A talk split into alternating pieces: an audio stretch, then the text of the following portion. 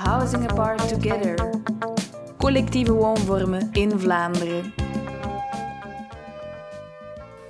In de Expo Housing Apart Together is het Begijn of Hoogstraten een bijzonder project. Het is geen typisch co-housing project, maar wel een project waar dat je kan zien hoe krachtig het kan zijn dat een groep bewoners samen in staat is om een project te restaureren. Een project dat twintig jaar eigenlijk volledig vervallen was en waarin dat zij er dan toch in geslaagd zijn om dat tot een goed einde te brengen.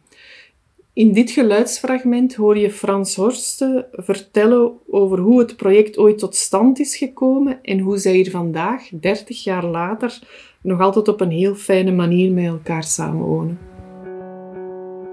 Begijnhof is een werelderfgoedmonument. En dat is een monument omdat het een optelsom is van bescheiden woningen.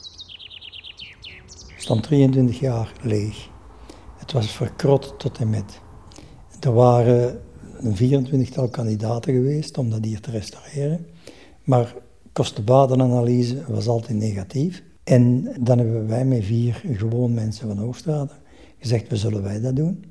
Natuurlijk werd daarmee gelachen van, we gaan vier mensen die niet kapitaalkrachtig zijn, dat wel kunnen oplossen.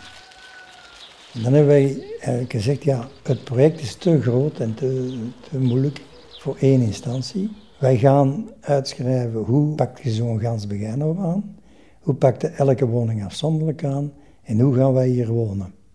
En dan hebben wij een oproep gedaan. We hebben 34 gezinnen gezocht die elke een woning voor een rekening zouden nemen. Dus het is van de stad, het convent heeft in erfpacht en de bewoners, dus ik zelf ook, hebben het in ondererfpacht van het convent.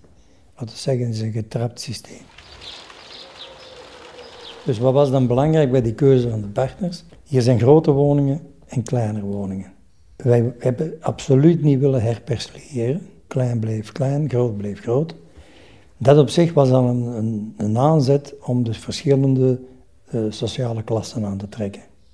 En dan zijn we bewust op zoek gegaan naar verschillende leeftijden, uh, verschillende beroepen. We wouden dus per se uh, en erfpacht om het geheel te bewaren en een gemengde bevolking als een zeker protest tegen de verkavelingen. We moeten het eigenlijk als één geheel, dus in erfpacht bewaren, of je knipt je monument kapot. En dat was bij ons echt essentieel. Eigenlijk kent iedereen hier iedereen en bij goed weer, de raam open. Maar het is allemaal heel, uh, laten we zeggen, informeel.